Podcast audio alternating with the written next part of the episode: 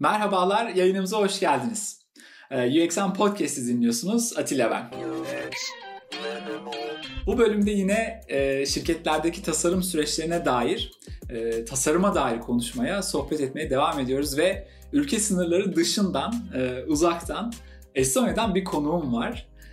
Kendisi bana sanırım Slack'ten ulaşmıştı ve deneyimlerini aktarmak istediğini belirten Orkun e, Orkun Buran ile sizlerleyiz. Yayınımıza hoş geldin Orkun. Hoş bulduk. Merhaba. Nasılsın Atilla?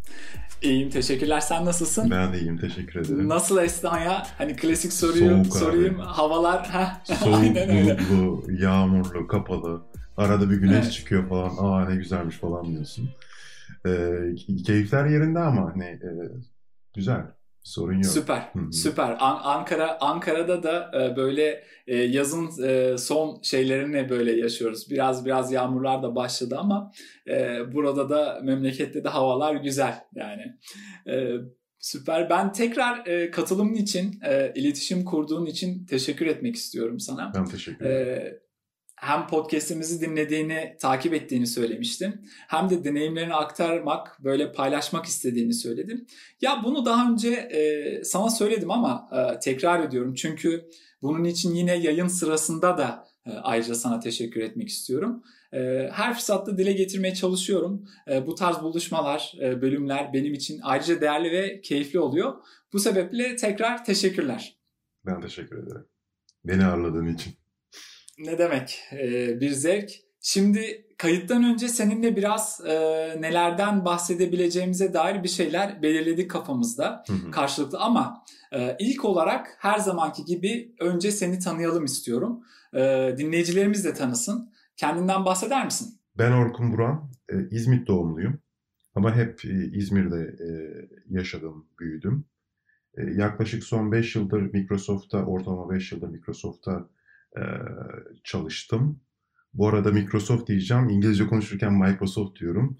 Türkçe konuşurken Microsoft diyorum. Çünkü hani ona takılanlar e, olabiliyor ama Türkçe konuşurken evet Microsoft kullanacağım. Bunu söyleyeyim şimdiden. Ya ya hiç hiç hiç sorun değil abi. Biliyorum. ee, böyle anladıktan sonra e, hiç bir Çünkü Türkçe yok. konuşurken hani Microsoft deyince bana da garip geliyor.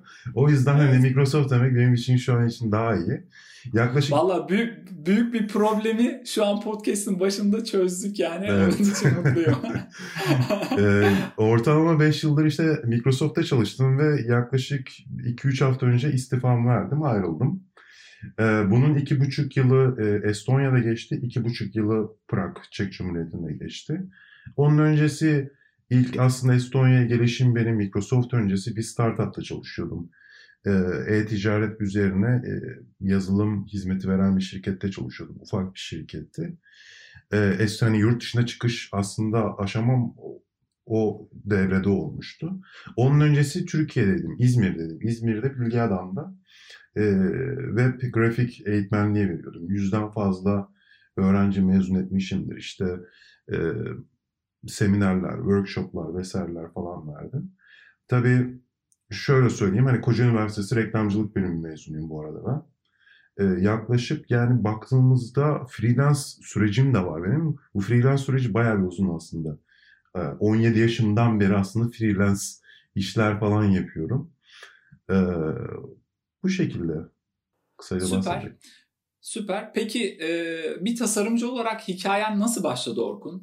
E, deneyim tasarımına olan ilgin, e, motivasyonun ve etkenlerden de biraz bahsedebilirsen sevinirim. Çünkü dinleyici kitlemiz genel anlamda nasıl söylesem böyle işte bu alanda insanlar sektörde neler oluyor gibi kısmıyla ilgilenenlerin yanı sıra yeni başlayanlar veya bu alanda kendini geliştirmek isteyenler için de bir fikir vermesi açısından yine buna biraz değinebilirsek senden dinlersek sevinirim. Tabii.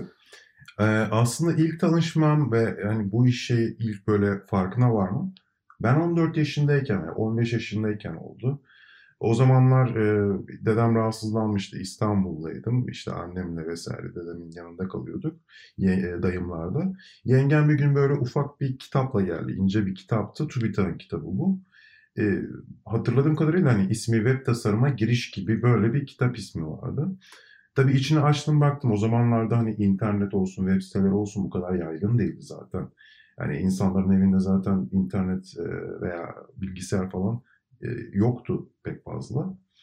O kitabı aldığımda hani biraz böyle bana mistik geldi. Hani vay dedim işte o web sitesine giriyoruz bir şeyler çıkıyor vesaire bunlar nasıl oluyormuş.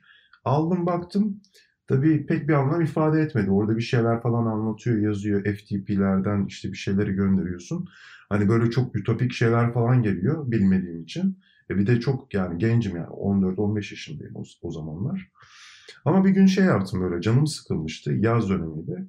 İşte orada birkaç HTML kodu e, örneği vardı.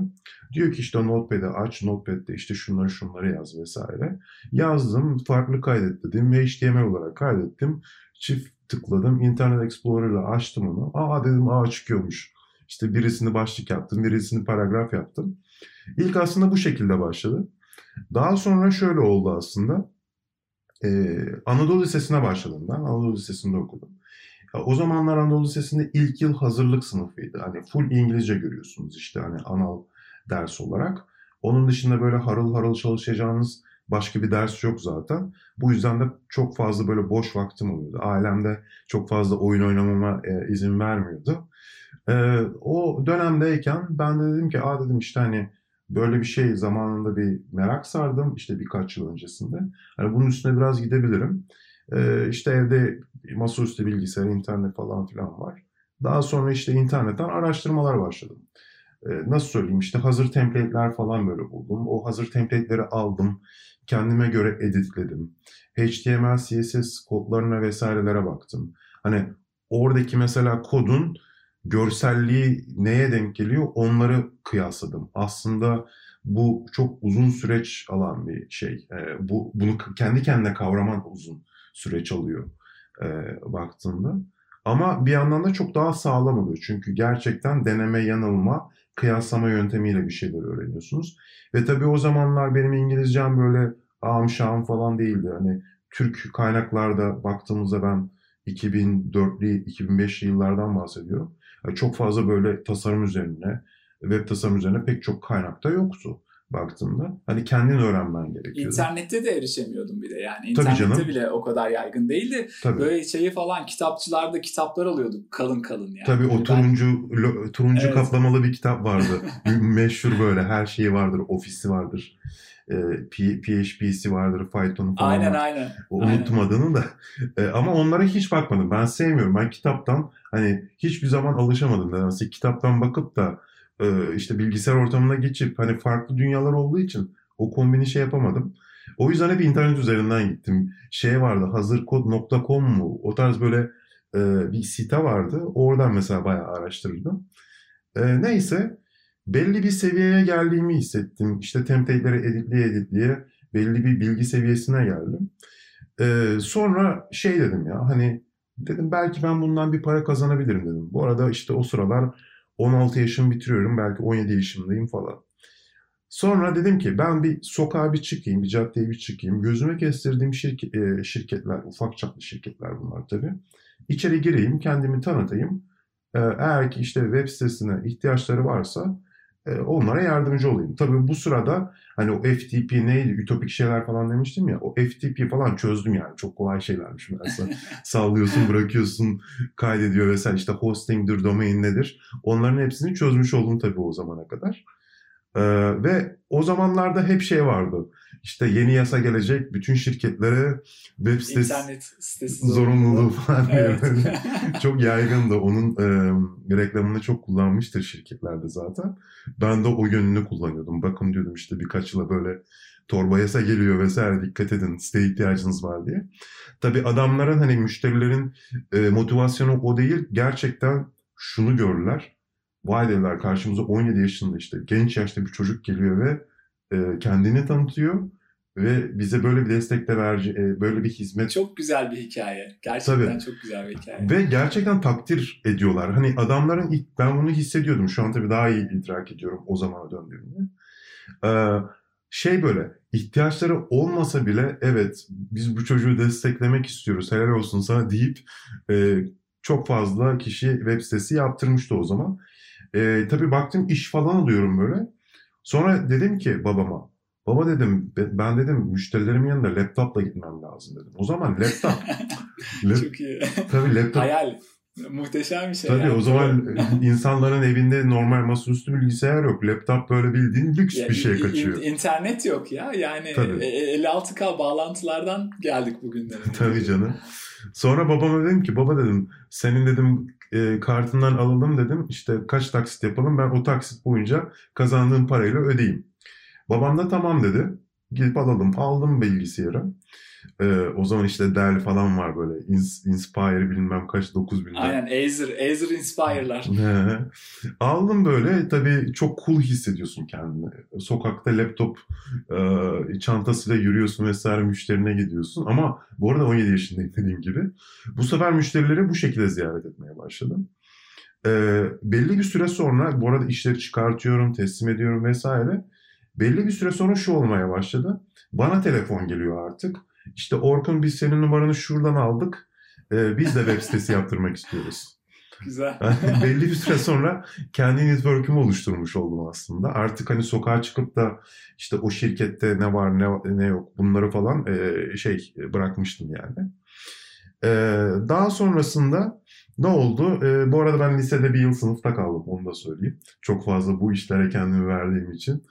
Sonra e, işte sınıfta kaldıktan sonra babam işte elimden bilgisayarı aldı vesaire vesaire. Eyvah eyvah. Ha, tabii canım ben aslında mimar olmak istiyordum. Mimar olmayı başar ya şeyden başaramadım işte fiziktir bilmem nedir vesaire.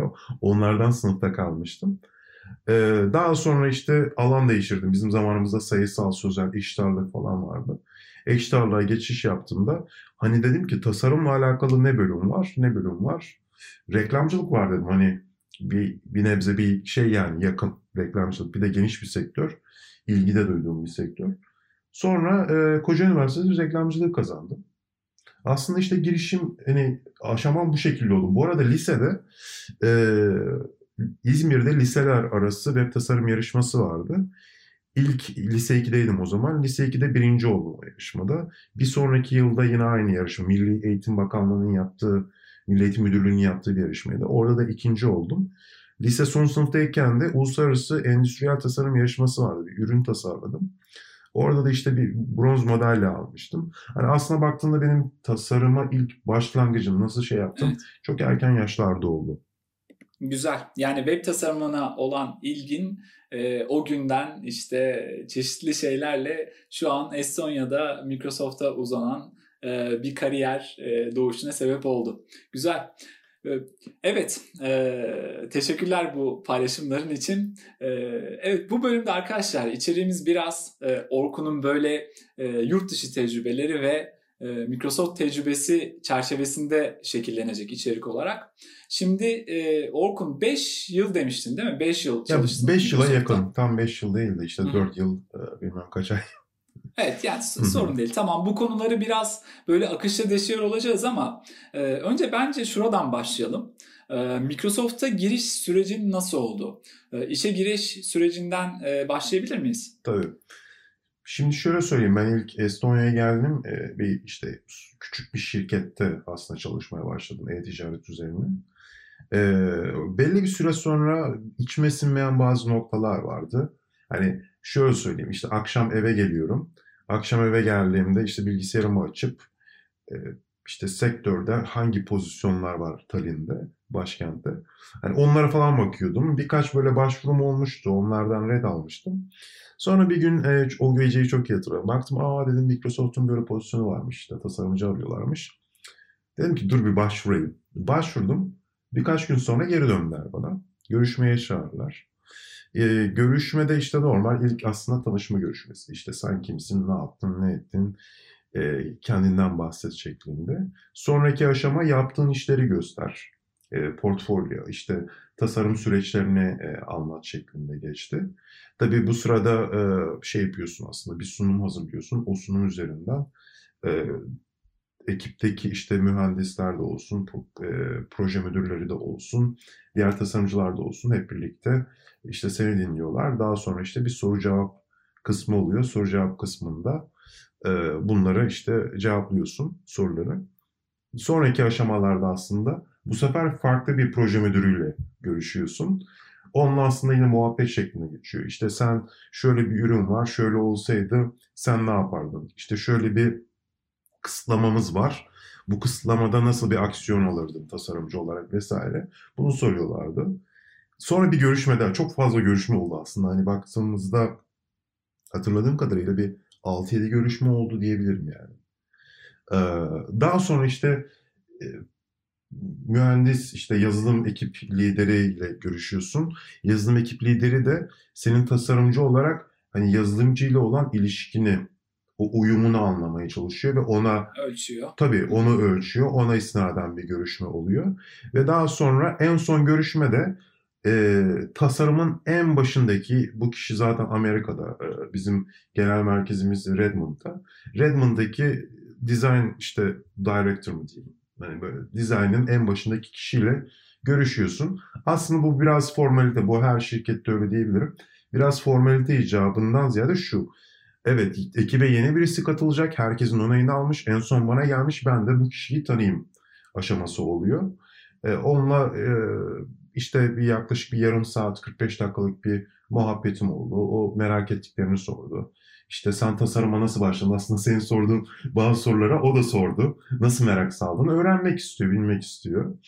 Ee, daha sonrasında işte e, olumlu oldu vesaire. Sonra teklif veriyorlar. Arka plan e, şeyleri işte eski çalıştığım şirketleri arıyorlar. Türkiye'deki şirketleri aramışlar birlikte çalıştıkları Klasik İK, İK tabii, süreci. Tabii tabii. Bu şekilde aslında baktığımda. Çok basit bir şekilde anlattım. Evet teşekkürler. Ya böyle bir giriş yapmışken hatta şöyle yapalım mı Orkun? Bir adım daha geriye atalım ve daha geniş bir perspektiften değerlendirecek olursak işte yıllarca böyle 5 yıl yurt dışında çalışan biri olarak nasıl hissediyorsun orada? Yani yurt dışında yaşamak ve çalışmak nasıl ve hiç yurt dışına çıkmamış insanlar için e, onları neler bekliyor? Bu konudaki tecrübelerini ve e, gözlemlerini de paylaşır mısın? Güzel soru. Şimdi şöyle aslında. E, öncelikle ben yurt dışına çıkmayı ne zaman düşündüm ondan bahsedeyim. 2015 yılıydı. 2015 yılında e, bu arada hani Türkiye'de çok fazla şu an şey var böyle kaçacağım ben bu ülkeden, gideceğim, işte para birimi şöyle oldu, işte politika, siyaset şöyle oldu vesaire. Yani çok fazla böyle e, isyankar şekilde yurt dışına çıkmaya çalışan kes, hani bir e, kesim var. Ama ben hiçbir zaman, ben hiçbir zaman o amaçla çıkmadım. E, ben o zaman şunu dedim. Ya dedim ben farklı bir şeyler yapmak istiyorum. Gideyim, neresi? Ben hatta ciddi anlamda kendimi Latin Amerika'ya adamıştım. Ben Kolombiya'da reklam ajanslarıyla falan görüşüyordum. E, hatta bir ajansla neredeyse anlaşma aşamasına gelmiştik ama o ekipten ayrılacak bir kişi vardı. Onun yerine aslında işe alım yapıyorlardı. Sonra ne olduysa o kişi kalmaya karar vermiş o şirkette. Dediler ki kusura bakma önümüzdeki yıl, e, önümüzdeki 6 ay sonra 8 ay sonra tekrardan seninle görüşebiliriz durumu oldu. Aslında benim olayım şeydi. Farklı bir deneyim edeyim, farklı bir kültür, kendimi ne bileyim farklı anlamda geliştireyim. Sadece tasarım değil. Yeni kültürler göreyim, ne bileyim yemek, yeni insanlar tanıyayım. Çünkü siz tabii tasarımcısınız. Tasarımcı olmak, başarılı bir tasarımcı olmak sadece Medium'a girip Medium'dan bir article okumak değil. Gidip de LinkedIn, Linda'dan bir video izlemek değil. Gidip de bilmem ne eğitimine katılmak değil. Ya aslında bu hayatın bir parçası. Siz işte Kolombiya'ya bilmem nereye gittiğinizde oradaki insanların alışkanlıklarını nasıl gözlemliyorsunuz? Bunlar aslında görünmeyen kısmı iyi bir tasarımcının benim fikrimce. Ee, benim hani bu şekilde bir ihtiyacım vardı. Ee, en büyük tabii ki de önüme çıkan engel şu. Ee, çalışma izni. Herkesin şu an aslında yaşadığı en büyük şey şu. Türk vatandaşısınız. Avrupa, Avrupa'dan pek çok şirketle görüştüm farklı ülkelerden. Her defasında şu. Hali hazırda şu an çalışma iznim var mı? Yok. Tamam o zaman kusura bakma. Çünkü e, bu görüştüğüm şirketler, büyük şey, e, görüştüğüm ülkelerdeki şirketler büyük ülkelerde. Büyük ülkeler olunca adamların bu talent havuzu çok büyük oluyor.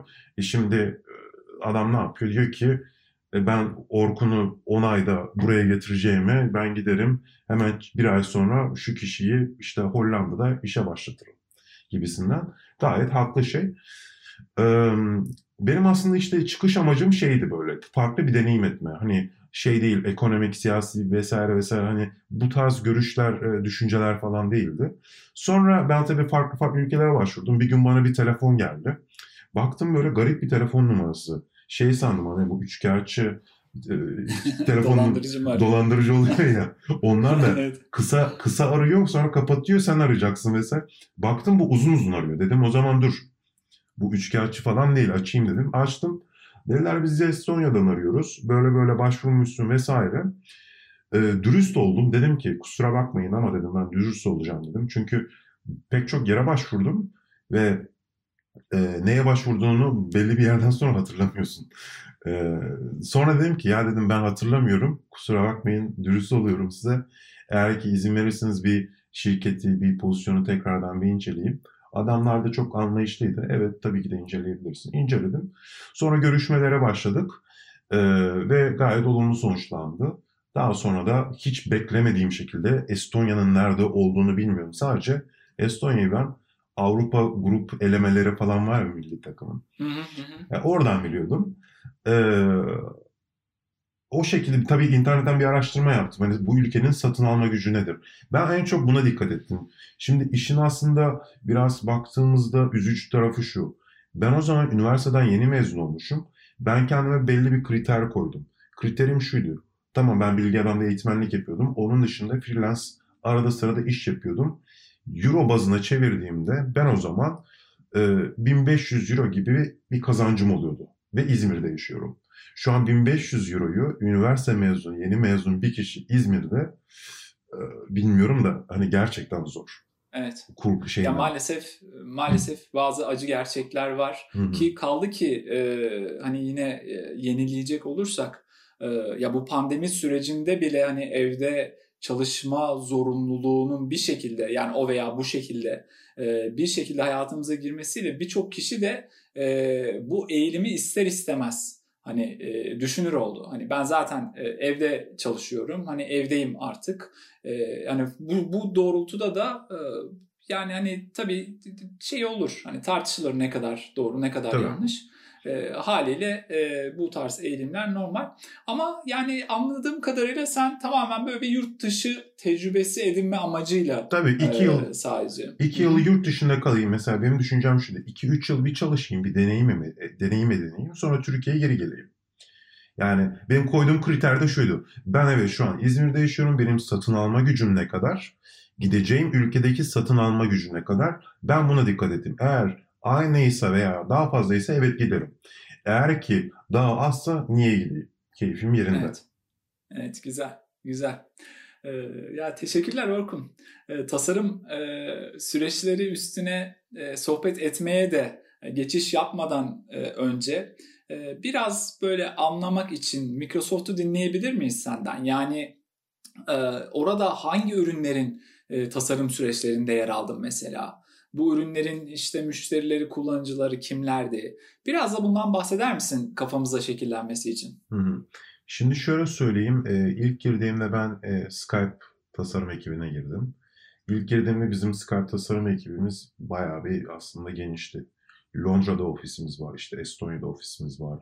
E, Amerika'da Redmond'da ofisimiz var. İsveç, Stockholm'da ofisimiz var. Hani bayağı aslında böyle e, dağılmış ve büyük bir ekip vardı.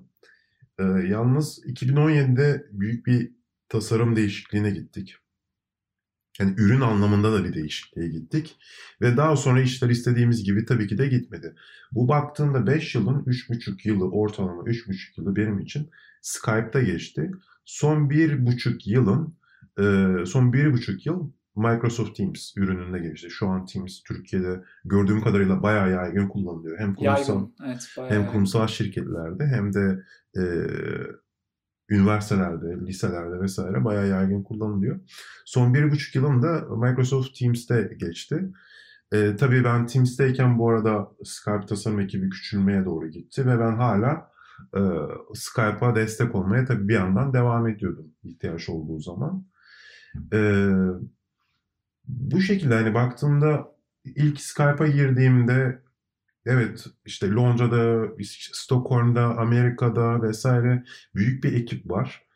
Ee, ilk girdiğim zamanlarda tabii ki de çok böyle nasıl söyleyeyim zorlandım. Hani en basitinden biraz belki konu değişecek ama ofise geliyorum. Ben tabii ilk müdürüme dedim ki saat kaçta iş başlıyor? Dedi ki Orkun bizde başlama saati yok. Ne zaman istiyorsan o zaman gel. Hayatımda böyle bir şey duymamışım ben yani.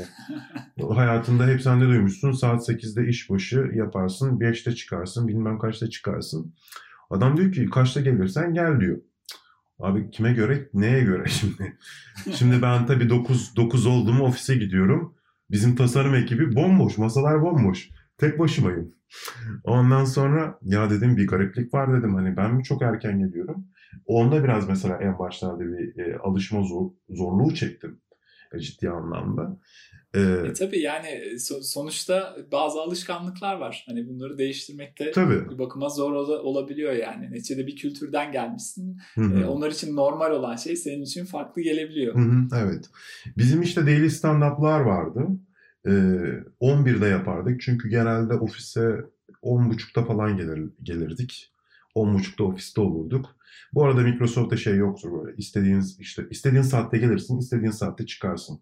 Yani ben ofise 11'de geldiğimi de biliyorum. 11'de gelip saat 2'de çıktığımı da biliyorum. Yani burada şirket kesinlikle e, senin saat kaçta girip çıktığına, günde kaç saat çalıştığına bakmıyor. Senin işi ne zaman bitirdiğine bakıyor. Yani bu bu mesela beni şok eden bir şeydi ve ciddi anlamda e, alışmam buna çok uzun zaman aldı. Çünkü hiç alışa gelmiş bir şey değildi benim için. İşte bizim daily stand-up oluyordu. Zaten o bir yarım saat 40 dakika falan sürüyor. Daha sonra işte yemeğe geçiyoruz zaten. Yemeği yiyoruz. Yemekten sonra aslında bir çalışmaya başlıyorduk. Ama size şunu söyleyeyim. E, gördüğüm şey şu. Gerçekten evet baktığında kısa bir süre, günlük kısa bir sürede çalışılıyor. Ama gerçekten verimli çalışıyorduk. Yani ne bileyim işte sosyal medyada orada burada vesaire fazla vakit zaten geçirmiyorlar. Buradaki insanlar geçirmiyor.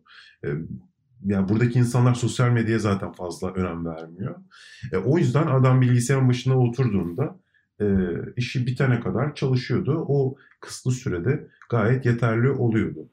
Tabii evet. Pardon devam et lütfen. Bitti zannettim ben. Şimdi şöyle hani ben Skype'daydım ilk başta Estonya'da. Sonra Prag ofisine geçince tabii bunun farklı ofis olunca farklı durumlar oluyor. Prag ofisine geçince bu sefer e, product manager'larla işte proje müdürleriyle çok fazla yakın e, görüşmelere başladık ve mühendislerle. Çünkü yazılım mühendisleri genelde bizim Prag'taydı. O yüzden sürekli bir online toplantı şeklinde geçiyordu. E, Prag'tayken e, çok daha fazla böyle ekiple yan yana dip dibe kalıyorduk.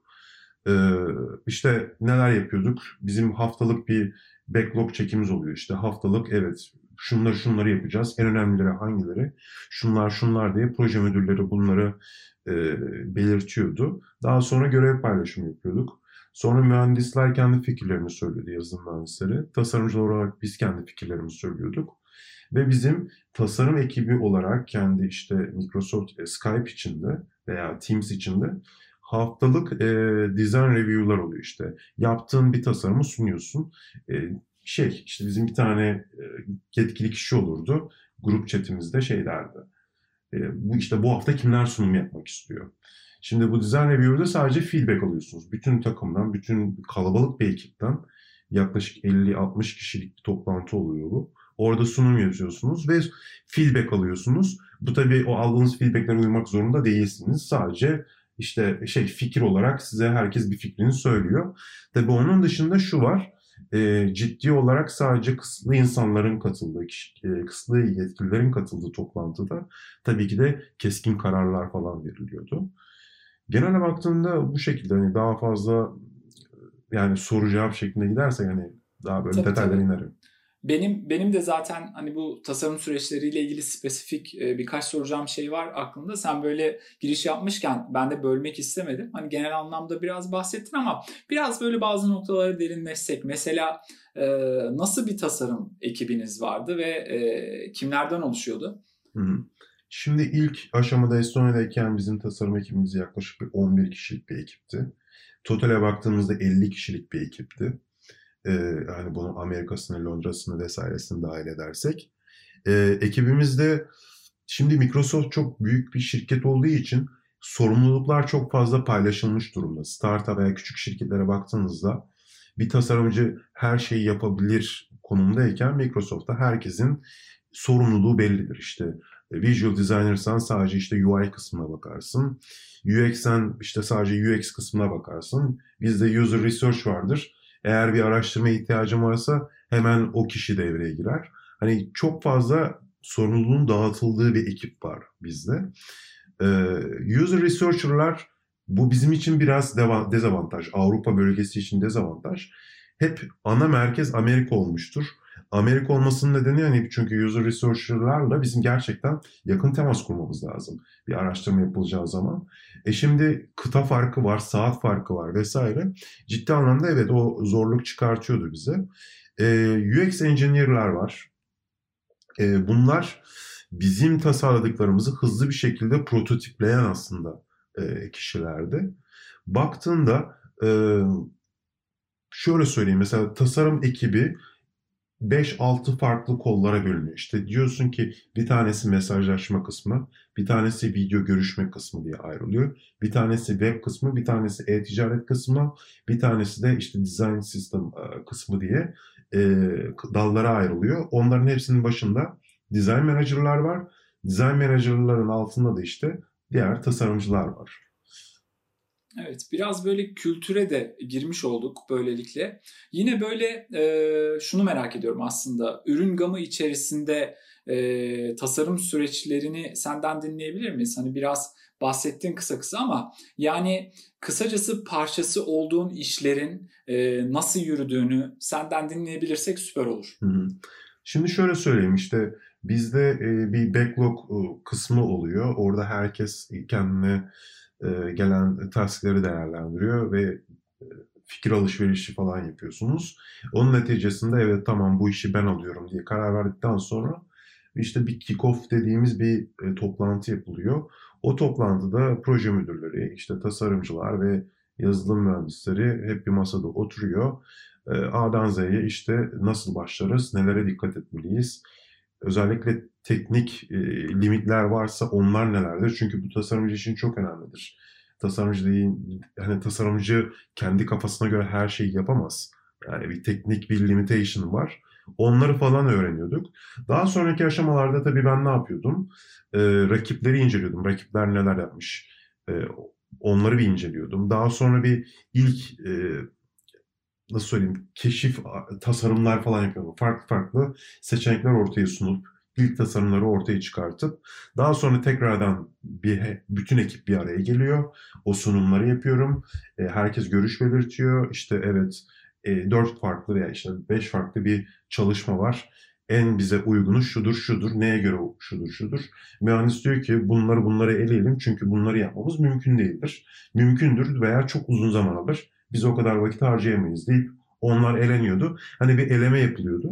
Daha sonra e, birkaç mesela seçenek kaldı ve daha sonrasında mesela biz user research'lere ulaşıp onları bir brief verip evet biz şunları şunları araştırmak istiyoruz. Bunlar hakkında bir araştırma yapabilir misiniz diye bir brief hazırlıyorduk. Pro, özellikle proje müdürü, tasarımcılar e, biz bir araya gelip bunun e, sunumunu hazırlayıp onlara teslim ediyorduk. Bir toplantı hazırlıyorduk. Buradaki ihtiyaç şu muydu peki? Yani ilgili e, tasarım hipotezinde doğru ilerlediğimizi anlamak için mi e, böyle ilerliyordu? Tabii. Yoksa Hı hı. Tabii yani buradaki as- aslında en önemli şey şu. Ya validation dediğimiz kısmını yapmak. Tamam evet bir tasarım var ama bu tasarım gerçekten çalışıyor mu, çalışmıyor mu veya kullanıcının gerçekten buna ihtiyacı var mı, yok mu, ne kadar faydalı, ne kadar değil. Bunu aslında ölçmek için biz e, user researcher'larla iletişime geçiyorduk. Bundan emin olmak için. Şimdi e, user testing yaptığımız kısımlar vardı. usertesting.com diye bir e, site var. Oraya siz e, prototiplerinizi hazırlayıp bir brief hazırlayıp gerçekten kısa bir zamanda 30 dakikalık bir zamanda 10 kişiden bir test sonucu elde edebiliyorsunuz. E, gerekli kısımlarda biz ben onunla yapıyordum. Yani orada bir prototip, prototip hazırlıyordum şeyde InVision'da. InVision'da hazırladığım farklı prototipleri işte A işte birinci versiyon, ikinci versiyon, üçüncü versiyon diye mesela. Bunu e, aslında hepsi de aynı işlevi yapıyor ama farklı yollardan yapıyor. Farklı user flow'dan yapıyor. Hangisi en iyisi çalışıyor diye hemen hızlı bir feedback almak için usertesting.com'a girip e, orada bu prototipleri yayınlayıp oradan işte gerekli hedef kitleyi seçip ve brief'i yayınlayıp yaklaşık bir 30-40 dakika maksimum 1 saat içinde 10 e, kişilik genelde biz e, katılımcı kabul ediyorduk. 10 kişi tamamlanmış oluyordu. Sonra oturup onları izliyordum. Oradan gelen geri bildirimleri vesaireleri toplayıp bunları bir dokümantasyon, bir sunum haline getirip sonra bir sonraki toplantıda evet arkadaşlar en son biz şu aşamadaydık. Ee, kullanıcı araştırması veya kullanıcı testi bu şekilde sonuçlandı. Evet bir sonraki aşamamız nasıl olacak? Tabii ki de biz burada bizim için en önemli şey kullanıcının ne istediği baktığınızda. Tabii ki de her zaman kullanıcının ne istediğini karşılayamayabiliyorsunuz. Bunun arkasında teknik e, konular aslında daha çok yatıyor baktığınızda. Hani kullanıcı şikayetlerine bakıldığında herhangi bir App Store'a girdiğinizde genelde şikayetlere baktığınızda e, teknik taraftır. Tabii kullanıcı bunun teknik taraf olduğunu bilmez. E, onlar genelde ne gördü yani UI, UX kısmını genelde suçlar ama aslında baktığında o nerede aslında arkasında bir teknik bir problem vardır. E, bu şekilde. Daha sonra şu var bir de hemen onu da söyleyeyim. Tamam bir e, şeye karar verdik. Evet biz artık kullanıcıdan da onay aldık. Bu şekilde ilerliyoruz. Daha sonra bizim işte e, pull request dediğimiz bir şey var, aşama var. Orada yazılımcılar ve yine aynı şekilde proje müdürleri oluyor. O proje müdürleri ve yazılımcılar bizim aslında Visual e, neydi o? Visual e, bizim kullandığımız bir panel var Microsoft'a ait. E, o paneli kullanıyoruz ve orada işte beni etiketliyorlar. Evet Orkun biz şu an kodlamayı yaptık bir ekran görüntüsü paylaşıyorlar. O ekran görüntüsüne bakıyorum, tasarım açısından değerlendiriyorum. Evet ben de onaylıyorum deyip hani orada aslında mühendislerle tasarımcılar arasında karşılıklı onay şeklinde e, bir Development shipping. sürecinde de aslında kontrol e, eder bir pozisyonda tabii. çalışıyordun. Hı hı, tabii. Aa, süper. Peki böyle e, hani akışı paylaştım bizimle. E, teşekkürler. Pandemiyi göz ardı edecek olursak e, kaldı ki yıllarca çalışmışsın e, zaten orada. E, yurt dışında e, çalışma ortamınız nasıldı? Yani fiziki ortamdan bahsediyorum aslında ve bu senin çalışmanı e, nasıl etkiliyordu? E, şimdi şöyle söyleyeyim. Bizim Estonya'daki ofisimiz gerçekten böyle ev gibiydi değil yani. Şöyle ofise gidiyorsunuz ciddi anlamda işte her yerde bir kanepeler, bir koltuklar, güzel dekorasyonlar, e, mutfağımız var. Mutfakta e, dolaplar var. Dolaplarda her şey var. Hani yumurta mı kırmak istiyorsun? Senin evin gibi hani dolabı açıyorsun, yumurtalar falan var böyle. Yumurtayı tavaya alıp kırıyorsun. Yani her şey vardı ofiste. E, kefir mi istiyorsun? Kefir de var. e, o açıdan ciddi anlamda ben ilk girdiğimde şaşırdım. Gerçekten çalışanlarına bu derece imkan sunmaları beni tabii ki de şaşırttı olumlu anlamda. Ee, şimdi biz tabii Estonya ofisi farklı, Çek Cumhuriyeti Prag ofisi farklı. Estonya'da bizim bir de kahvaltı şeyimiz vardı. Saat 10'a kadar kahvaltı vardı. Bu arada kahvaltı deyince aklınıza böyle Türk kahvaltısı işte domates, peynir, salata vesaire gelmesin. Ee, tahıl mahıl böyle yulaflar falan vardı sadece. E, tabii ki de yumurta, yumurta kırmak isterseniz, tost yapmak isterseniz yine domates de var, biber de var. Ekmek arasını açıp kendiniz bütün her şeyi orada yapabiliyorsunuz. Öğle yemeğine gelince mesela, e, ben ilk başta bir mutfaktan başlayayım. E, açık, böyle oteldeki açık büfe gibi böyle her farklı farklı ana yemekler var, başlangıçlar var, salatalar var ve bir ekran var. O ekranda da hepsinin her yemeğin işte kaç kalori olduğu bile yazıyor orada. E, bu gerçekten güzel bir şeydi. Hani ciddi anlamda eğer ki sağlığına vesaire... Diyet yapanlar için. tabii canım hani onlara... Yediğine dikkat. Tabii çünkü şöyle bir şey var. İlk işe başlayanlar hani benden sonraki girenleri gördüğümde ben de hani kendimi de gördüm. İlk giriyorsunuz belli bir süre sonra kilo almadığı, kilo almaya başladığınızı fark ediyorsunuz. Bu gerçekten şey e, bazı şeylerin farkında olmanızı hani her şeyi orada elde edebildiğiniz için yememeniz gerektiğini yaklaşık bir 5-6 ay sonra falan anlıyorsunuz. Çünkü biz öğle yemeğini bitiriyoruz. Kilolar son... artınca tartıya çıkıp diyorsun. Tabii. Çünkü bizim orada bir de dondurma bölümümüz var. Bildiğiniz böyle dondurmacıya gidersiniz ya Türkiye'de. Şu dondurma kaşığıyla batırırsınız. külaha koyarsınız. O, o bile var yani dondurma falan yiyoruz şeyden sonra kendimiz dondurmacıymış gibi. E, soslarımız Ya diyorsun sonra... ki çı- çı- çığırımızdan çıkarabiliyor ortam yani. Tabii. E, bu, bu imkanlar doğrultusunda. Tabii. E, evet. Ev gibi ortam sağlıyorlar gerçekten. Oyun oynamak istediğin zaman istediğin zaman git oyun oyna. Kimse sen niye bilgisayarın başından kalktın? Kimse seni takip etmiyor. Ee, bu güzel bir şey.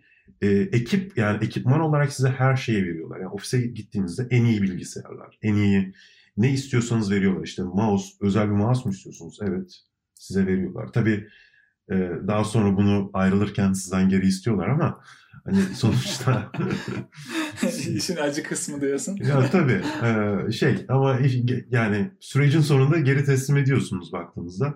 Bazen hediye verdikleri de oluyor ufak şeyleri ama büyük şeyleri değil tabii.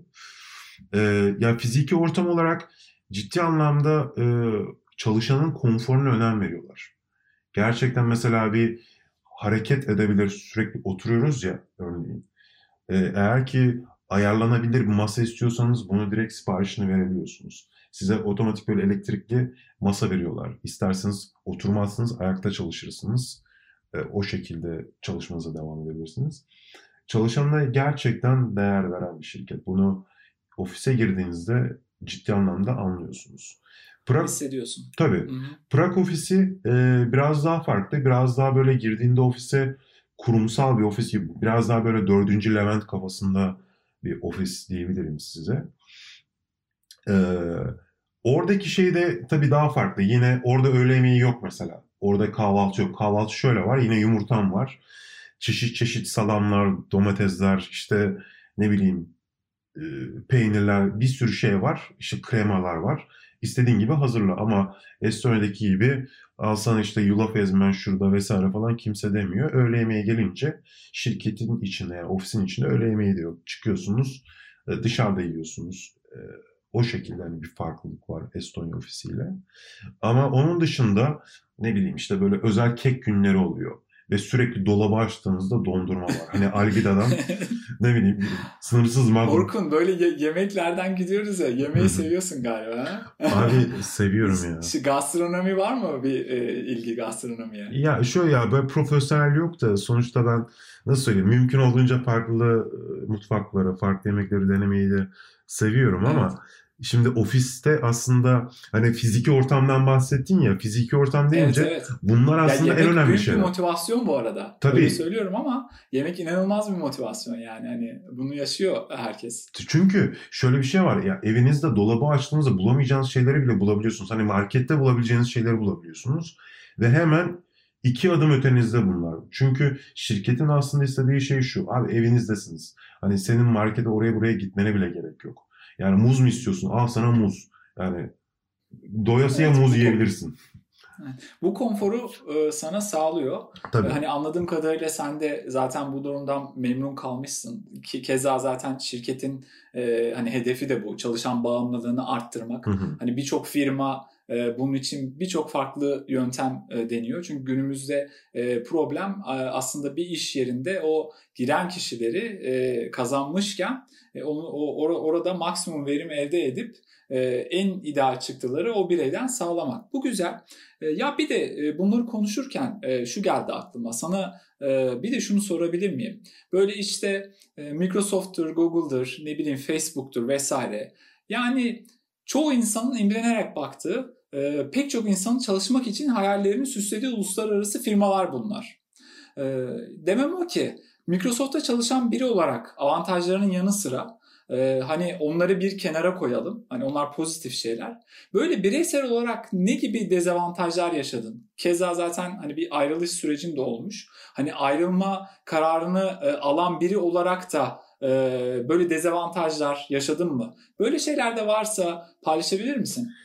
Tabii şimdi şöyle söyleyeyim. E, dezavantajlara gelecek olursak bu aslında bir yandan da avantaj kısmına da giriyor. Ama ilk girdiğinizde bu aslında Microsoft'la da alakalı olmayabilir. Sonuçta Avrupa'nın belirli kısmında, belirli ülkelerde çalışma hayatı çok daha farklı. Yani adam size şunu diyor. Sen yeter ki işi zamanında teslim et. Yani gün içinde ne yaptın, ne ettin, ne kadar Facebook'a, ne kadar sigaraya çıktın. Kimsenin umurunda değil. Şimdi benim aslında ilk yaşadığım böyle zorluk olarak alışma sürecim yaklaşık bir 6 ay sürdü. Çünkü Microsoft öncesi hep şu. işte şu saatte başlıyor, şu saate kadar aralıksız devam et. Sürekli çalış. Mümkün olduğunca sürekli bir şeyler üret. Ama şimdi buraya geldim. Hani bu şekilde değil. Gayet rahat. İstediğin zaman çık, istediğin zaman ne bileyim mutfağa git bir şeyler yap. istediğin zaman git oyun oyna, istediğin zaman git sigaranı iç. Hani çok nasıl söyleyeyim rahatsın. Bu rahatlığa alışkın değilsin aslında. Bunu benim yurt dışında işte benim Prag'da veya Estonya'da e, tanıştığım diğer Türklerde de bu sıkıntı olmuş. En başta buna alışması zor. Çünkü hayatınızda... Evet yani neticede sonuçta bir kültür şoku Tabii. E, yaşarak Hı-hı. başlıyorsun. Hı-hı. Benim için aslında hani bir avantaja bir değineyim diyorum. Avantaj şu, e, öncelikle çalışan olarak gerçekten değerinizin farkına varıyorsunuz. Çünkü Tamam ben Türkiye'de bu arada İstanbul'da hiçbir iş deneyimim ya İstanbul profesyonel iş hayatında bir deneyimim olmadı. Ben sadece yakın olduğum arkadaşlardan onların deneyimlerini dinliyorum ve gerçekten böyle içler acısı hikayeler falan ortaya çıkıyor. Ee, gerçekten hani değer verilmeyen vesaire. Tabii ki de şirketlerimiz var hani gerçekten çalışanlarına değer veren. Ama genele baktığımızda maalesef ülkemizde yaygın çalışana değer, değer vermeme. Sen olmasan ben başkasını da bulurum kafasında olma. Müdür olarak ben sana istediğim gibi bağırırım, çağırırım vesaire. Ama size şunu söyleyeyim. Çalışan olarak Microsoft'ta veya işte Google'da olsun, Facebook'ta olsun muhtemelen aynıdır. Gerçekten de, ya değer veriliyorsunuz, değer görüyorsunuz. Ee, benim aslında en önemli avantaj olarak gördüğüm şey şu. Hani müdürler diyoruz ya, müdürler, patronlar. Ben Microsoft'ta müdür patron değil, gerçek lider nedir onları gördüm. Çünkü siz eğer ki bir şeyi başaramasanız bile müdür geliyor sizi ciddi anlamda teselli ediyor. Ciddi anlamda sen ne yaptın, ne ettin, işte böyle iş mi çıkar falan demek. Ya öyle bir şey başıma gelmedi de. Yani genele baktığımızda asla ve asla hiçbir işte design manager diğer tasarımcılar bu şekilde yaklaşmıyor. Şimdi bizim 50-60 kişilik bir mesela tasarım değerlendirme toplantılarımız oluyor. Şöyle söyleyeyim bir tane bir tasarımcı başladı Redmond ofisinde ve kadın yani senior olarak başladı. Senior demek Microsoft'ta şeydir. Yıllar yani bir 7 yıllık bir te- tecrübenin olması lazım. Çünkü bu seniorluk, managerlık, head of design'lıktır. Bunlar şirketten şirkete değişir ama Microsoft'ta eğer Head of Design vesaire level'ında olmak için bir yıllarca bir e, tecrübe edinmen gerekiyor. Her neyse bu senior demek gerçekten çok tecrübeli aslında olma e, anlamına geliyor. Şimdi tasarım sunumu yapıyor ve ciddi anlamda senior değil. Hani aslında junior bile belki değil. Ama orada sunum yaparken bizim üst seviyedeki müdürlerin yaklaşımını bir gördüm. Yani ben aslında empati çok fazla yapıyorum. Kendimi başkalarının yerine koyuyorum. O sunumu izlerken cidden kendimi iyi hissetmedim.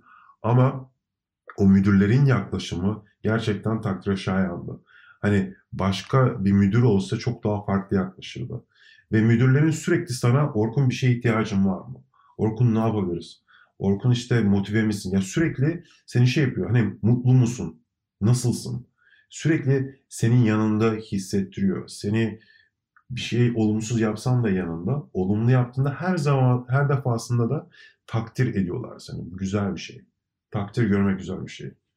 Bu olumlu tarafları gerçekten güzel. Ha şu da var. Seni insan olarak görüyor. Ben bir kez izin aldım. E, Türkiye'ye geldim. 5 günlük izin aldım. Türkiye'ye gelir gelmez hastalandım ve 2-3 kez acile gittim vesaire. Hani o benim 5 günlük tatilim aslında iptal oldu gibi bir şey. Sonra Prag'a geri döndüm. Müdürümle toplantım var birebir. Müdürüm dedi ki toplantı şey tatilin nasıl geçti? Dedim ya şöyle işte hastalandım falan hani doğru düzgün bir şey yapamadım bile. Aa öyle mi dedi o zaman o senin 5 günlük izinli siliyoruz dedi. O 5 günü daha sonra tekrardan kullan. Çünkü e, hastalanmışsın, tatil yapamamışsın. Hani böyle yaklaşıyorlar. Bu ciddi anlamda olumlu şeyleri. Tabii ki de yap, üzerinde çalıştığın ürünler milyonların kullandığı ürünler. Hani bunun etkisi, bunun size verdiği hazzı, keyfi de bambaşka bir şey. Ve çok uluslu bir şirkette çalışıyor olmak, çok farklı milletten insanlarla çalışıyor olmak size o kadar çok şey katıyor ki. Dil anlamında, kültür anlamında, din anlamında her anlamda size çok güzel şeyler katıyor. Bunlar avantajları diyeyim. Dezavantajları büyük şirketlerin aslında bu Microsoft özel değil. Bu büyük şirketlerin yaşadığı şeyler. Ee, çok fazla karar me- mekanizması var. Yani çok fazla bürokrasi var. Yani bir şeyin bir şekilde ilerlemesi için oradan bir onay, oradan bir onay falan derken kilitlenme durumları çok fazla oluyor. Normalde bir startup'ın iki haftada e, release edeceği bir şeyi biz 5 ayda release edebiliyoruz. Çünkü evet. komplike bir yapı var. Ee, onun Evet evet. Gay, gay, gayet normal ya. Onu ben de yeni çalıştığım yerde e, bu aralar bayağı bir hissediyorum. Tamamen hani böyle startup e, kültürüyle e, nasıl söylesem yetişmiş e, bir insan, e, bir, bir çalışan olarak bazen böyle işlerin yavaş yürümesi garip gelebiliyor ama hı hı. tabii onun da bazı sebepleri oluyor yani. Bunu da e, şey yapmamak lazım, yatsımamak lazım. Hı hı. Tabii tabii. Yani şöyle eğer aslında nasıl söyleyeyim küçük şirketten çalışıp bir anda koskocaman bir şirkete geçmek bildiğiniz aslında bir kültür şoku yaşıyorsunuz. Hani şirket kültür şoku yaşıyorsunuz. Çünkü e, karar merci artık siz değilsiniz. Artık bambaşka birileri var ve o kişiler kendi aralarında politika yapıp bir şeyleri kabul ettirmeye falan çalışıyor ve siz orada bakıyorsunuz neler oluyor vesaire. Hani bunları görmek e, başka bir şey. Tabii ki de küçük şirketteyken sürekli bir çalışma hali varken, sürekli aktif kalırken büyük şirkette sizin bir deadline'ınız var. E, işinizi erken bitirdiniz. Ondan sonra istediğiniz gibi kafanıza göre takılabiliyorsunuz. Böyle bir rahatlığı var. E, yani benim gördüğüm Microsoft'ta. Ee, evet. Şu var. Ya şey şey konusu gerçekten değerli. Çok özür dilerim böldüm ama yani e, bilmiyorum hemfikiriz sanırım o konuda ki keza e, hani güzel deneyimlerden paylaşıyorsun ve e, güzel e, pozitif bir şekilde bahsediyorsun bunlardan. Yani neticede çalışma saati dediğimiz kavram e, belki de pandemiyle birlikte şu an farklı şeyler yaşıyoruz ama yani şey ben pek in, inanmıyorum bireysel olarak. Yani e, fiziki anlamda da olabilir. Bu evde de çalışıyor olabilirsiniz. İşte home office şeklinde de olabilir. E, zamanla verimin e, direkt böyle bir e, arasında ko- kolorasyon, böyle bir bağlılık, işte doğru orantı veya ters orantı gibi bir şeysi yok bence. E, yani gün sonunda belli hedefler koyup e, o hedefler doğrultusunda e, ilerleyip e, amaca ulaş, ulaştıktan sonra belki de ne kadar yaptığınız bazı şeylerde evet göz ardı etmemek gerekebiliyor ama gün sonunda sizi o hedefi süre olarak da belirttiğiniz için e, onu geliştirdikten e, sonra onu tamamladıktan sonra zaman kavramını elimine etmiş oluyorsunuz aslında. E, onun için bu yaklaşım güzel. Bu da tabii ki çalışan motivasyonunu neticede aslında, arttırıyor. Aslında en önemli şey çalışanın mutluluğu aslında baktığında bak başarılı şirketlere baktığında çalışanlar mutludur. Hani ne anlamda? Maddi ve manevi. Kimisi, kimi şirket maddi anlamda çalışanları memnundur. Manevi de pek e, ortalamadır ama idare eder. Maddi onu amorti eder. Kimisinde hem maddi hem manevidir. Kimisinde manevi çok e, memnundur e, çalışan. Çalışan mutluluğu en önemli şey. Çünkü siz çalışanınızı mutlu ettikten sonra gerçekten güzel şey alırsınız. Siz çalışanınıza bağırarak, çağırarak, onu ne bileyim ekip içerisinde ezerek, e, sesinizi yükselterek ya ciddi anlamda çünkü ben Türkiye'de hani herkes bunları yaşıyor. Türkiye'de bizim kültürümüzün de etkisi var. Hani agresif bir kültüre sahibiz. Ama ciddi anlamda yani ben buradaki müdürlerimi bizde bir de hani dezavantaj olarak hemen şunu da söyleyeyim. Çok fazla e, organizasyon değişikliği oluyor. Büyük şirketlerin yaşadığı şeyler. Hani müdürlerin değişiyor, raporlama yaptığın kişiler değişiyor e, ilk başlarda şeydi böyle benim. İlk müdürüm değişti. Müdürüm benim pamuk gibi adam. Hani ben nasıl söyleyeyim ben diyorum ki hani bir ay ben Türkiye'de kalacağım diyorum. Tamam git Orkun diyor. Kafana göre takıl diyor. İzin mi alacaksın? İstediğin zaman izin al.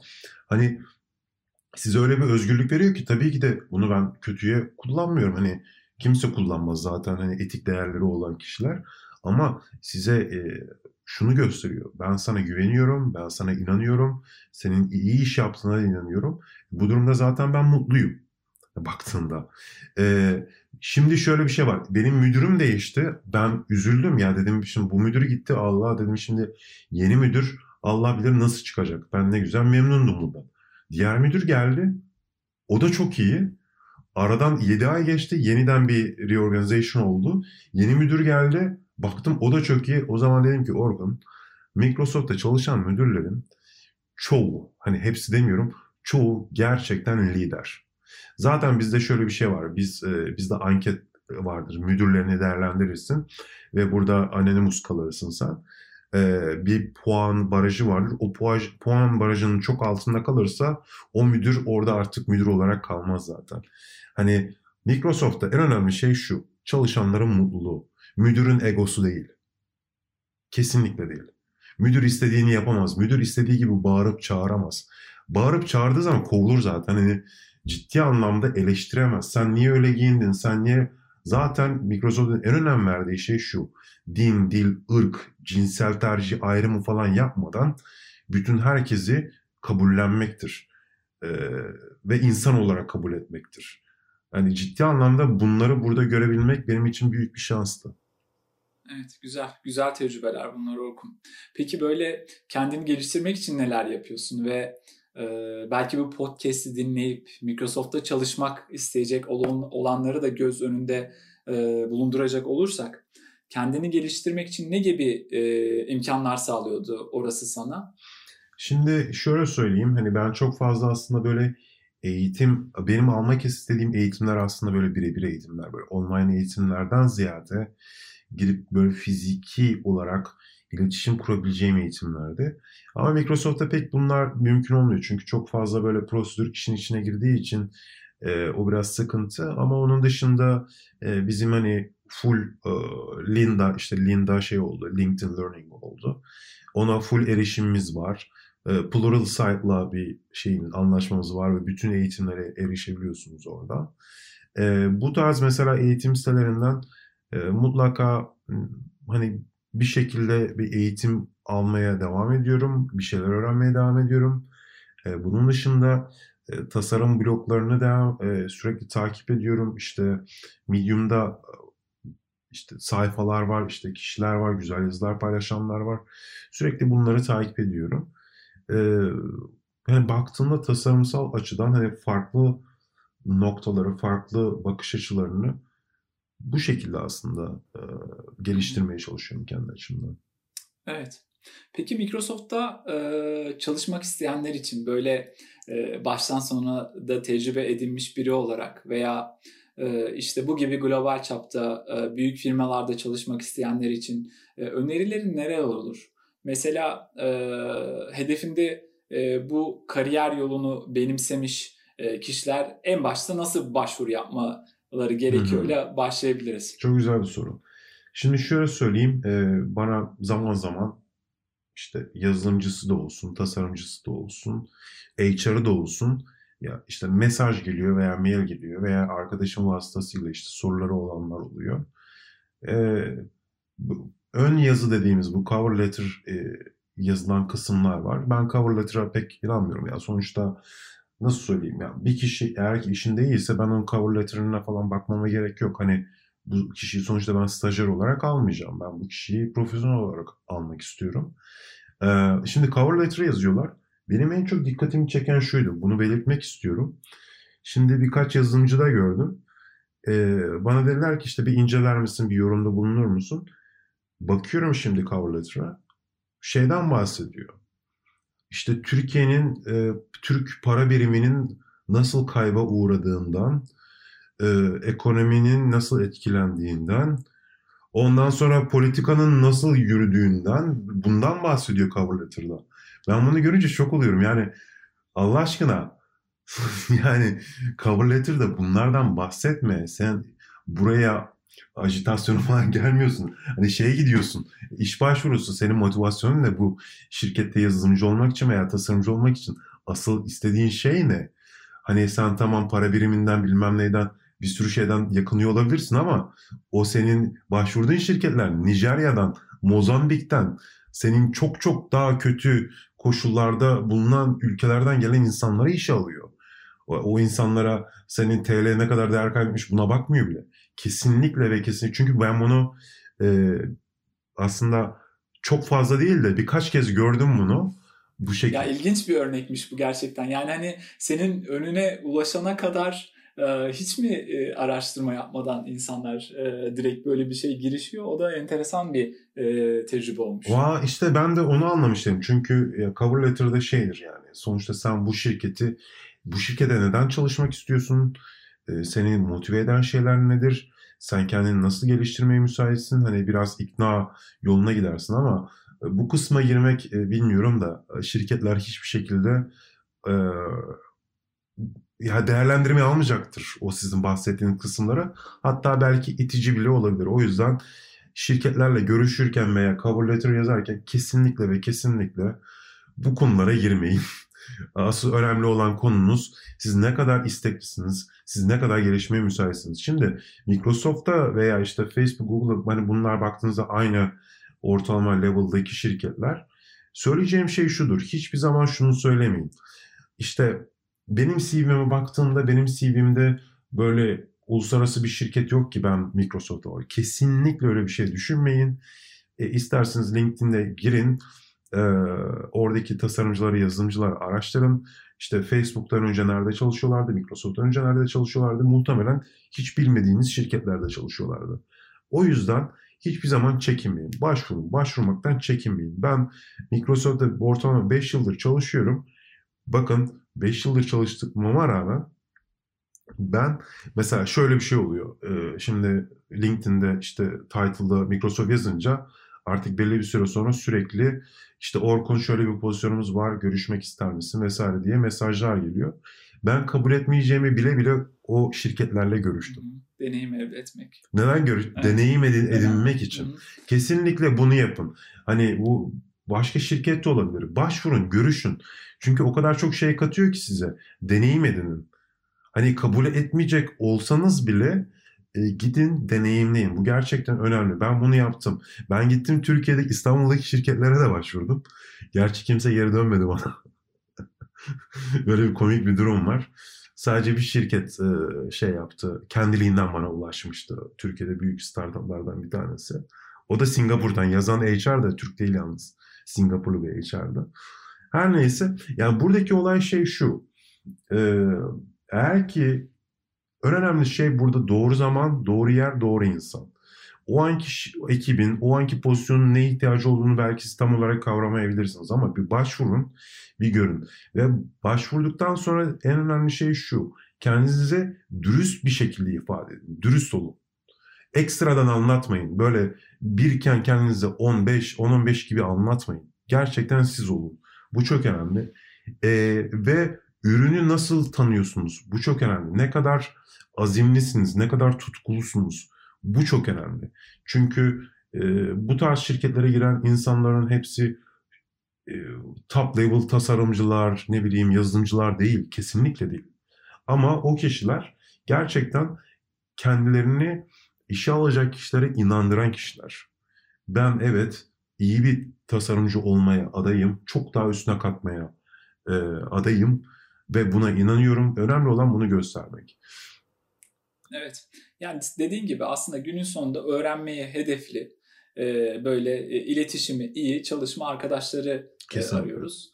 E, yani teknik kısım kişi birey olarak her zaman kendini geliştirebilir. Ama hani karakter ve kültür açısından bu potansiyele sahip değilse hani kişilerin de günün sonunda yalnız çalışmadığımızı da düşünürsek başkalarıyla olan iletişimi, işte problemlere bakış açısı, problemleri çözme sürecindeki e, gayreti diyeyim e, önemli oluyor. Keza şey de katılıyorum yani neticede gerçekten e, bunu bireysel olarak ben de e, zaman zaman sen söyleyince e, anımsıyorum. Hani kişi bir yere başvuracak e, işte bir yerde lafı geçiyor ama başvurmayacağını söylüyor. Hani neden başvurmuyorsun sorusuna hani almazlar ki belki olmaz ki gibi şeyler oluyor. Yani bu böyle bir özgüven e, şeysi var maalesef. E, hani ben de var. sen de dile getirince evet böyle bir, bir sıkıntı de, var. Çok fazla bahane bulma var. Türkiye'de çok şey yaygındır. Torpil. Devlet makamlarına geçiyorum. Tamam devlet makamları başka da özel sektörde torpil bir yere kadardır. Şimdi torpilden kastım aslında şudur. Referans olmadır. Çünkü şirketler cidden e, arkadaşlarına soruyor, çalışanlarına soruyor. Tanıdığınız gerçekten güvendiğiniz bir insan var mı? Çünkü o şirket o kişiye güveniyor ki Ben sana güveniyorum. O yüzden sen de güvendiğin birisi varsa getir onu. Ve Microsoft'ta da böyle, bu Google'da da böyle, bu Facebook'ta da böyle. Bu değişmiyor. Hani e, şey olarak algılamayın bunu işte adam kayırma, torpil vesaire değil. E, ciddi anlamda hatta e, bizim şirket, diğer şirketler de eğer ki arkadaşını getirirsen, tanıdığını getirirsen sana ekstradan nakit ödüller falan filan veriyor böyle ciddi anlamda. Seni motive ediyor. Yeter ki diyor tanıdığın, güvenebileceğimiz burayı sen biliyorsun. E, bu kişinin buraya gerçekten uyabileceğini düşünüyorsan getir. Ama bu torpil değil. Bu Türkiye'de de oluyor. Ama çoğu kişi bazı bahanelerin arkasına sındığı için torpil adı altında şey yapabiliyor. O yüzden arkadaşlar yani network'ünüzü genişletin. Kendinizi tanıtın. Ee, kendinizi güzel anlamda, dürüst anlamda tanıtın. O, yani olduğunuz gibi anlatın.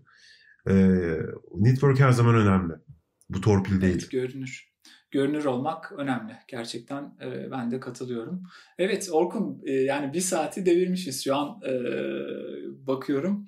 E, şimdi böyle yavaş yavaş yayınımızın sonuna da yaklaşırken e, tasarımcılara önerilerin neler diye de e, sormak istiyorum. Keza işte şeyden de bahsettik az önce. Hani başvurun arkadaşlar hani elenecekse karşıdaki kişi elesin dedik. Onun dışında ne gibi eklemek istediğin şeyler var mı? Hmm. E şöyle söyleyeyim. Ya tasarımcılarda söyleyebileceğim şey şu. En önemli şey gözlemlemek. Ya ciddi anlamda her şeyi gözlemleyin. Eğer ki örnek işleri izlerken bile hani incelerken bile gözlemleyin. Ciddi anlamda yaptığınız o işleri kullanıcılarla birlikte bir araya gelip onların görüşlerini alın. Onlara test ettirin, kullandırtırın. Onlar nasıl hissediyor? Onların görüşlerine önem verin. Ben tasarımcıyım işte triplerine girip işte ben böyle istiyorum falan demekten ziyade sen kullanıcının avukat aslında burada bir avukatlık yapman lazım. Sen kimin avukatısın? Kullanıcının avukatısın. Sen kullanıcının avukatı olduğu zaman aslında e, kullanıcıların gerçekten ne istediğini, neye önem verdiğini, neyi arzuladığını daha iyi anlayabilirsin. Buna dikkat etsinler. Yeni tasarımcılara hani yeni bu sektöre girecek girecek kişilere e, şeyim şudur. Sizin eğitim seviyeniz nedir bu önemli değildir. Sizin ne kadar deneyiminiz vardır bu önemli değildir. Sizin en önemli şeyiniz portfolyonuz var mı? Siz yani en iyi üniversiteden de mezun olabilirsiniz. Bu aslında bir önem arz etmiyor. Ben Kocaeli Üniversitesi mezunuyum. Ya ben size şunu söyleyeyim. İstanbul'da kaç zamanında yurt dışına çıkmadan önce kaç şirkete başvurdum. Kimse de geri dönmedi. Muhtemelen üniversite isminden dolayı ben filtreye takılmışımdır. Yani HR'ların... Evet, böyle acı bir, bir şey var mı? Gerçek yani? var. Benim sana şunu söyleyeyim e, Atilla.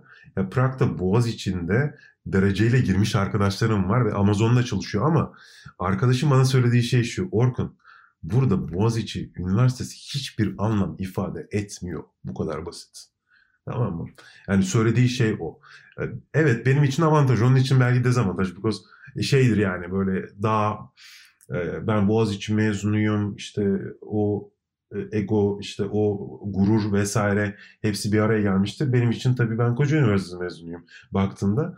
O yüzden üniversiteye falan da pek bakmıyorum. En önemli şey kendini geliştirmek.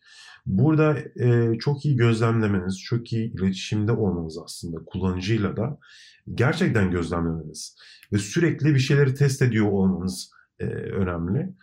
E, ve hiçbir zaman şey yapmayın, böyle kendinizi küçük görmeyin. Çünkü tasarımcılarda bu çok yaygındır. Her ne kadar iyi tasarımcı olsanız bile belli bir noktadan sonra kendinizi eksik görüyorsunuz. Bu tasarımcılardaki belki anksiyete problemidir. Ee, herkes de olmuştur yani. Sende de o belki olmuştur. Bende de oldu. Ya yeri zamanı geliyor böyle bir eksik falan hissetme durumu olabiliyor. Kesinlikle öyle bir aslında üstesinden gelmeniz gerekiyor bunu. Bunu nasıl gelirsiniz?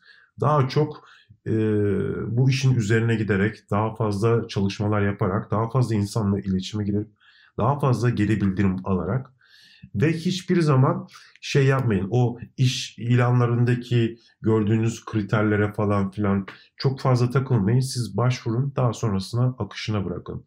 Nasıl gidecek? Olumsuz olduğu zaman da her olumsuzdan bir ders çıkartın. Bu gerçekten önemli bir şey. Çünkü oradan alacağınız sizin bir olumsuz bir şey sizin bir sonraki görüşmenize, bir sonraki kariyerinize bir basamak, bir adım, olumlu bir şey katacak. O yüzden hani optimist Evet. Güzel. Ya bir de şey sorabilir miyim sana? Böyle Microsoft gibi bir firmadan e, nasıl istifa edilere de değinebilir miyiz? Yani Tabii. hani bu tecrübelerini yani e, oradaki ayrılış sürecini de işte offboarding'den bahsediyorum. Hı hı. Paylaşırsan yani tabii özel bir sebebi yoksa e, yine sevinirim. Aslında özel bir sebebi yok. E, şöyle söyleyeyim ben şimdi e, Estonya tabii ilk taşındım. Burada iki buçuk yılımı geçirdim. Ee, burası gerçekten zor bir ülke. Yani herkesin yapabileceği bir ülke değil. Ee, belli çok fazla zorluklar, insanlarla kaynaşması, hava koşullarına alışması. Ee, zor bir ülke. Ama en sonunda ben bunun üstesinden geldim. Tam o üstesinden geldiğim zaman şirketim işte beni Prag ofisine göndermek istedi. Aslında ben bir yandan istemeye istemeye gittim diyebilirim. Hani böyle kalbim burada kal diyor. İşte aklımda işte diyor ki e, hadi kariyerin peşinden git ve Prag'a taşın vesaire diyor. Onun ikilemine düştüm ve e, Prag'a taşındım. Ama sonuçta en başından beri istemediğim hani baktığında bu kalp içten inanç vardır ya istemediğim bir şeyi yaptığım için e, pek böyle tatmin olmadım, mutlu olmadım ki Prag hani buraya baktığında hani Tallinn'e göre çok çok daha güzel bir şehir. Ya gittiğinizde şöyle tarihi dokusu vesairesi şehir, şehirde bulabileceğiniz etkinlik sayısı, yapabileceğiniz aktiviteler veya çevre ülkelere baktığınızda işte ne bileyim Avusturya, Almanya, Polonya, e, Hırvatistan'a bile arabayla atlayıp gidip e, arabayla 8-9 saatte Hırvatistan kıyılarında, Almaça kıyılarında olabiliyorsun. Hani böyle bir konumda aslında çok daha güzel. Ama en baştan istemeyince olmuyor. Ee, tabii baktığında benim karar vermemdeki en önemli nedenlerden bir tanesi bu. Diğeri de şu. Yani Microsoft'un sağladığı koşullar diyeyim. Bu koşullar sizi şöyle söyleyeyim. Tabii ki de bir maaş alıyorsunuz, yıllık performans vesaire alıyorsunuz ve bunun dışında e, sürekli bir sizin hesabınıza yatan hisse senetleri var. Amerikan borsasında Microsoft hisse senetleri alıyorsunuz. Bu hisse senetleri siz bir bakıyorsunuz birikiyor, birikiyor, birikiyor ve hisse senedi artıyor ya katladıkça katlıyor. Bizim Microsoft'ta şey vardır iş arkadaşlar arasında altının altın kelepçe. Bu aslında bir altın kelepçedir. Yani çalışanlar işte Facebook'ta olsun, Facebook'ta bunu yapıyor, Google'da bunu yapıyor. E, altın kelepçe takıyor çalışanlarına. Yani mümkün olduğunca tutmaya çalışıyor. Yoksa Microsoft aslında Microsoft'ta çalışmak şöyle bir şey. Memur olmak gibi. Eğer ki emekli olmak istiyorsanız Microsoft'tan olursunuz. Ekibiniz kapansa bile şirket size şunu söylüyor.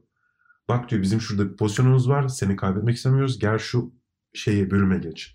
Ben mesela istifa haberimi verirken e, müdürlerim dedi ki işte bir Norveç'te pozisyonumuz var. Bir de e, İrlanda, Dublin'de bir pozisyonumuz var. Düşünür müsün? Yok dedim düşünmüyorum.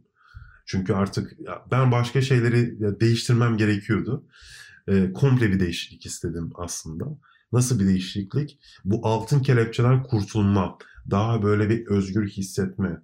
Evet. Çünkü şöyle bir şey var. Şimdi başka şirketlerle görüşüyorsunuz tabii ki de o Microsoft level'ına pek gelemiyor ve sizi sürekli böyle bir itiyor. Yani ben işte bırakamam burayı. Bak benim burada aldığım koşullar bu falan diyorsunuz. Sonra dedim ki gerçekten ne yapmak istiyorsun sen? Şey yani gerçekten farklı deneyimler edinmek istiyorum. Özellikle fintech sektörüne girmek istedim. Şu sıralar Güzel hedef. Hı hı, fintech'e karşı çok ilgim var. İşte e, dijital neo bankacılığı çok fazla kullanıyorum. Türkiye'de Revolut mesela yok ama hani Avrupa'da çok yaygın.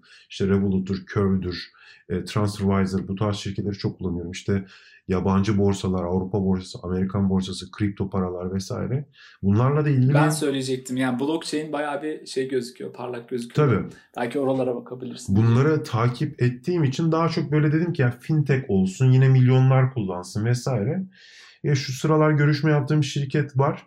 Ama ben istifam verirken şunu dedim. Ya dedim evet şu an pandemi süreci. insanlar iş bulmakta zorlanıyor. Evet doğru.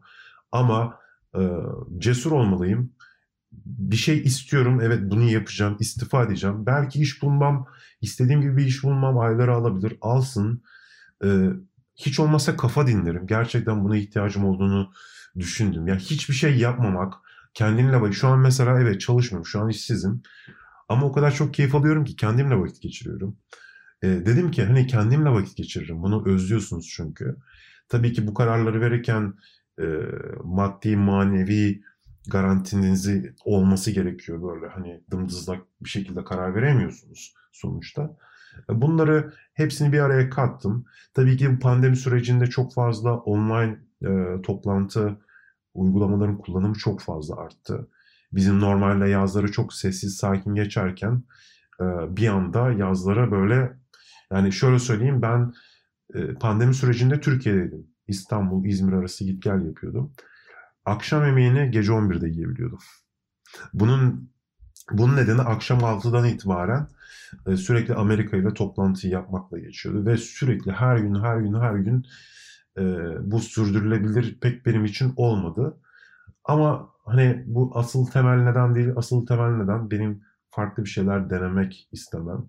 Sonuçta biz tasarımcılar memur kafasında olanlar değiliz. Her ne kadar Google'da çalışsanız da, Facebook'ta, Microsoft'ta çalışsanız da her zaman bir ne bileyim idealistlik içimizde var bizim. Yoksa bu şirketlerde çalışıp emekli de olabilirsiniz yani hiç sorun değil yani hiç kimse evet, kon, kon, konfor konfor alanı gerçekten e, çok tehlikeli. Bunu da altını çizelim. Hı-hı. Bir de umarım Orkun hedeflerine ulaşırsın. Hani, İnşallah. Hani, e, Evet. İnşallah. Ve her zamanki klasik son sorumu sorayım o zaman. Ee, sana bir şey sormak isteyenler e, nasıl ulaşabilirler? Hani sürekli Hı-hı. kullandığın platformları e, paylaşırsan sevinirim. Tabii.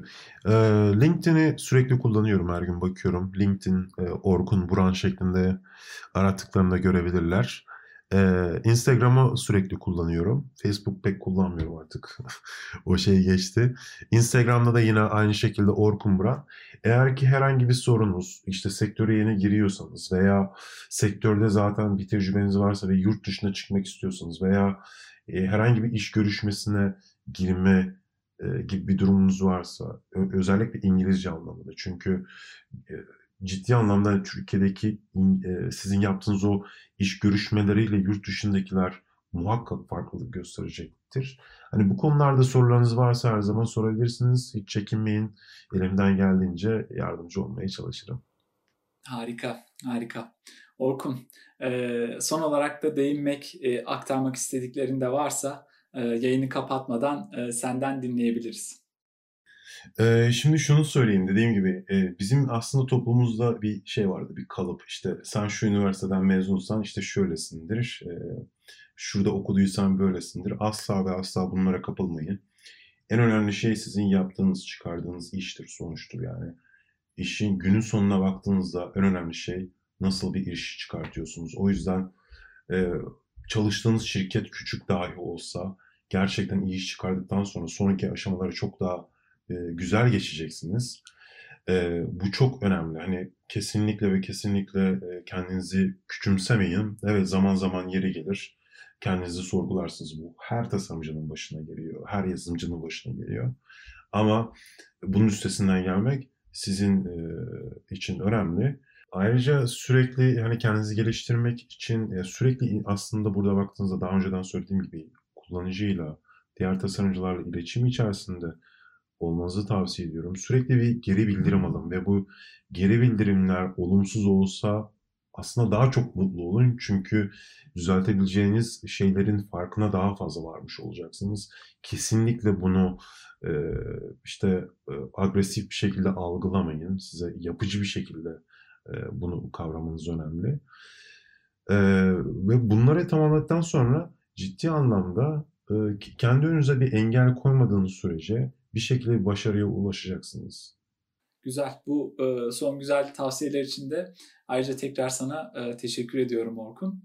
E, bir yayının daha sonuna geldik arkadaşlar. Benim için yine keyifli bir sohbet oldu. Şöyle bir toparlayacak olursam yurt dışında çalışma deneyimlerini dinlediğimiz ve Microsoft'ta da hani ne gibi tasarım süreçleri olduğunu öğrendiğimiz bir yayın oldu. Ee, Orkun e, sana katılımın ve e, kapımızı çaldığın için tekrar e, teşekkür ediyorum. Ben teşekkür ederim. Bizi dinlediğiniz için de siz dinleyicilerimize teşekkür ediyoruz. Yayınımızı paylaşırsanız seviniriz başkalarının da dinlemesi için.